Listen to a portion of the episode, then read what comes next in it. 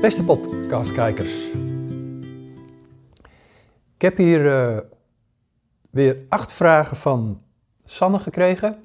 En het hoofdthema is samengestelde gezinnen.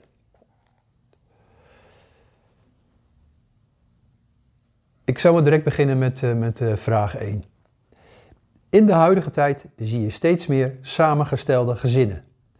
Wat is daar spiritueel de reden van?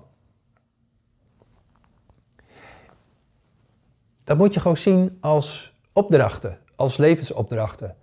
Wie ga je in je huidige leven tegenkomen? Wie moet je tegenkomen? Wat regelt onze eigen ziel met de zielen van andere personen voor ons geboorte? Waarom kom jij op aarde? Waarom kom je nu op aarde? En waarom kom je dan bepaalde mensen tegen? En dan vooral ook uh, voor wat voor tijd?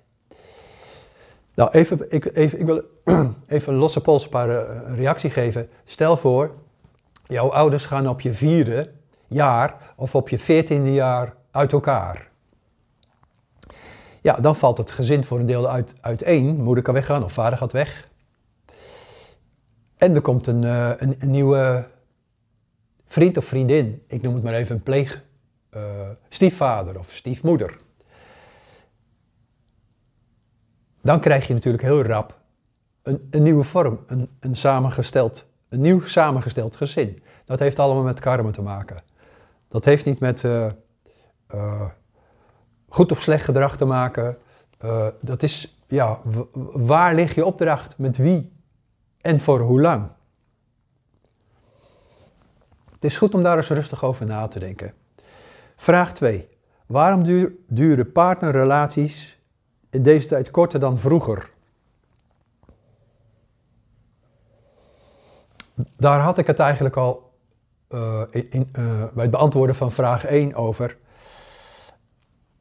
Probeer het gewoon zo te zien. Je kan op aarde komen dat je uh, grotendeels met één persoon leeft en daarmee oud wordt. Hè. Ik denk even voor het gemak aan een huwelijk.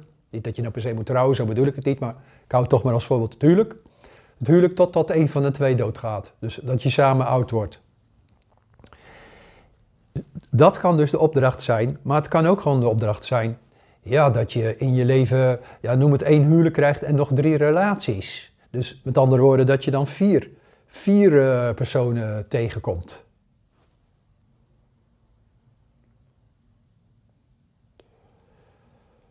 En dat moet je ook plaatsen in tijd. Je kan trouwen met iemand, verliefd op, iemand worden. Um, maar dat dat maar bijvoorbeeld voor, voor, voor 2,5 jaar is of 5,5 jaar, dan is dat gewoon dan is dat klaar. Soms zie ik uh, op foto's, bij mensen in de praktijk, maar ook zeker op het internet, op het internet kijken op tv, dan zie ik soms mensen, uh, laten we zeggen bekende Nederlanders dan of zo, zie ik van ja, hebben nieuwe liefde gekregen, uh, ontmoet. Maar dan voel ik al direct bij van ja, ze, zullen waarschijnlijk wel verliefd zijn, verliefd zijn. Dat geloof ik dan wel.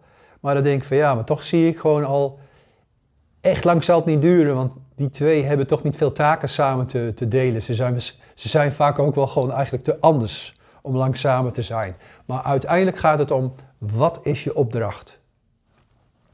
Vraag 3. Als een samengesteld gezin ontstaat, staat dat samengestelde gezin dan vast in het levensprogramma? Ja, voor, elk, voor elke persoon.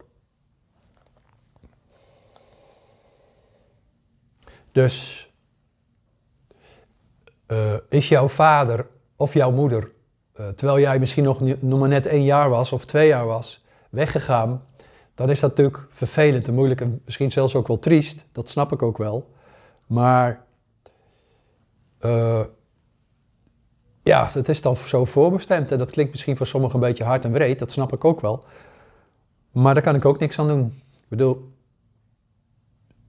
zo heb ik het geleerd en ik, ik merk ook dat uh, astrologen die verder gaan dan, uh, dan uh, de geboortehoroscoop maken, duiden, en meer met voorspellende astrologie zich bezighouden, die zien ook gewoon in van ja, rond de zomer na een huwelijk van vier jaar, dan zal het hoogstwaarschijnlijk wel uit elkaar gaan. Dus een astroloog kan dat ook gewoon zien. Een helderziende kan dingen weten vooruit, maar een astroloog ook. Vraag 4. Als binnen een samengesteld gezin de ene ouder minder verbinding heeft met de nieuwe kinderen van de nieuwe partner, kan dat komen doordat er minder karmische verbinding is tussen hen? Ja, zo moet je het wel zien. Um, ja, ik, ik, blijf gewoon verwijzen van wat is de opdracht? En ja, je kan wel um, ja, twee nieuwe kinderen erbij krijgen door een nieuwe relatie. Maar als je er niet veel mee karma hebt, ja, dan houdt het, dan houdt het natuurlijk ook op. En daarnaast is het natuurlijk ook nog eens een keertje zo van ja, met de ene persoon, de ene ziel, de ene persoon, in dit geval dan kind, kan je nou eenmaal beter overweg dan een ander. Dat is een natuurlijk proces. Ik bedoel, je hebt zoveel type mensen, je hebt zoveel karakters. Mensen die heel makkelijk uh, elkaar een hand kunnen geven, symbolisch bedoeld. En mensen die in elkaar gewoon bijvoorbeeld al niet liggen. Vraag 5. Als een stiefouder een dislike afstand voelt naar een kind van de nieuwe partner, kan het dan ook zijn dat zij negatieve levenservaring delen in een vorig leven? Dat kan heel goed zijn. Kan heel goed zijn. Fijne contacten worden natuurlijk in ons huidige leven weer voortgezet. Maar ja, mensen waar je gewoon niet goed mee kon, overweg kon in een van je vorige levens. En toch kom je de persoon, die ziel, weer tegen. Uh, ja, dat zou je op een een of andere vlak wel merken, wel voelen. Weet je, dat het spontaan wel goed gaat of dat het moeilijk ligt. Dat het gewoon niet loopt of dat je gewoon zelfs zonder dat er misschien iets gezegd is of gebeurt, dat je toch ja, een vervelend gevoel over iemand hebt. Uh, een beetje, uh, ja, dat je iemand op afstand wil houden. Als, we gewoon onze, als we een aantal van onze vorige levens beter zouden weten, dan zou je gewoon dit soort zaken, de, de, zaken die je tegenkomt met mensen, zou je ook veel beter begrijpen. Nou ga ik overigens niet beweren dat ik dat nou allemaal zo goed weet hoor. Soms kleine flitsjes of hele kleine dingen, maar ook niet echt veel. Maar ik heb wel het een en ander uh, begrepen en geleerd van, door de verbinding die ik met genocide heb. Vraag 6. Kan het ook zijn dat er gezinsleden in een samengesteld gezin zitten die gewoon geen karma met elkaar delen? Is hierdoor ook geen band te ontwikkelen?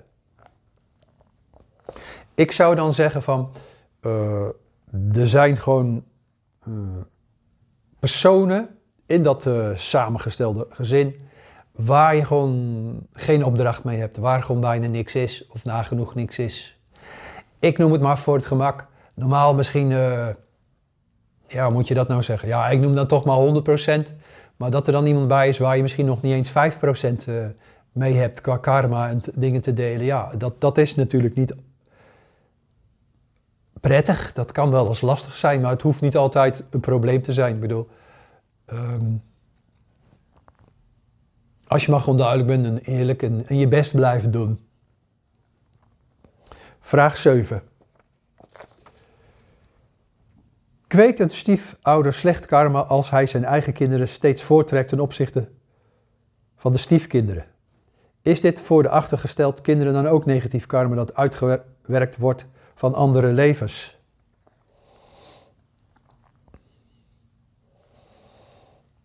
Ik denk wel om eerlijk te zijn dat dat een beetje zo is.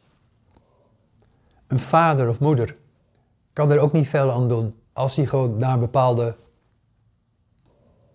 personen, in dit geval kinderen of stiefkinderen, wel of niet sterk naartoe getrokken wordt. Dat is een gevoel dat je volgt.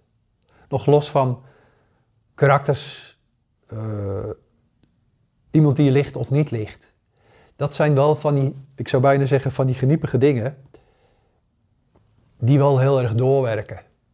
Maar mijn advies aan iedereen is, dat is natuurlijk, dat is normaal, dat begrijp ik, dat geeft verder ook niet, maar blijf wel je best doen. Want het is voor kinderen heel erg belangrijk dat zij gewoon wel een goed gevoel hebben van dat elk kind gewaardeerd wordt.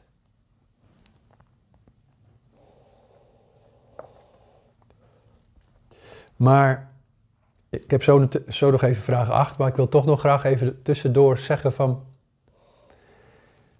Het hoort bij deze tijd, uh, afgelopen 100 jaar en nog wel komende ja, 50 jaar, 100 jaar, dat weet ik ook niet precies. Maar uh, dat er meerdere huwelijken mogelijk zijn, meerdere relaties, dat blijft niet zo. Op een gegeven moment is toch voor veel mensen een hoop uh, karma, problemen, slechte zaken, slechte daden in vorige levens, is toch een keer weggestreept. Dus uiteindelijk verderop zal dat niet meer plaatsvinden. Het is dan opgelost, zo moet je het zien. Dat karma is opgelost onder de mensen. Het hoort dus nogmaals gewoon bij deze tijd, het, het Waterman-tijdperk. Vraag 8. Je hoort ook wel vaak dat stiefouders in het latere leven meer contact hebben met hun eigen kinderen en dat met stiefkinderen. Is de mate van contact tussen hen ook vastgelegd in het levensprogramma en staan de magneten om contact te hebben later dan op een heel laag pitje of zelfs uit?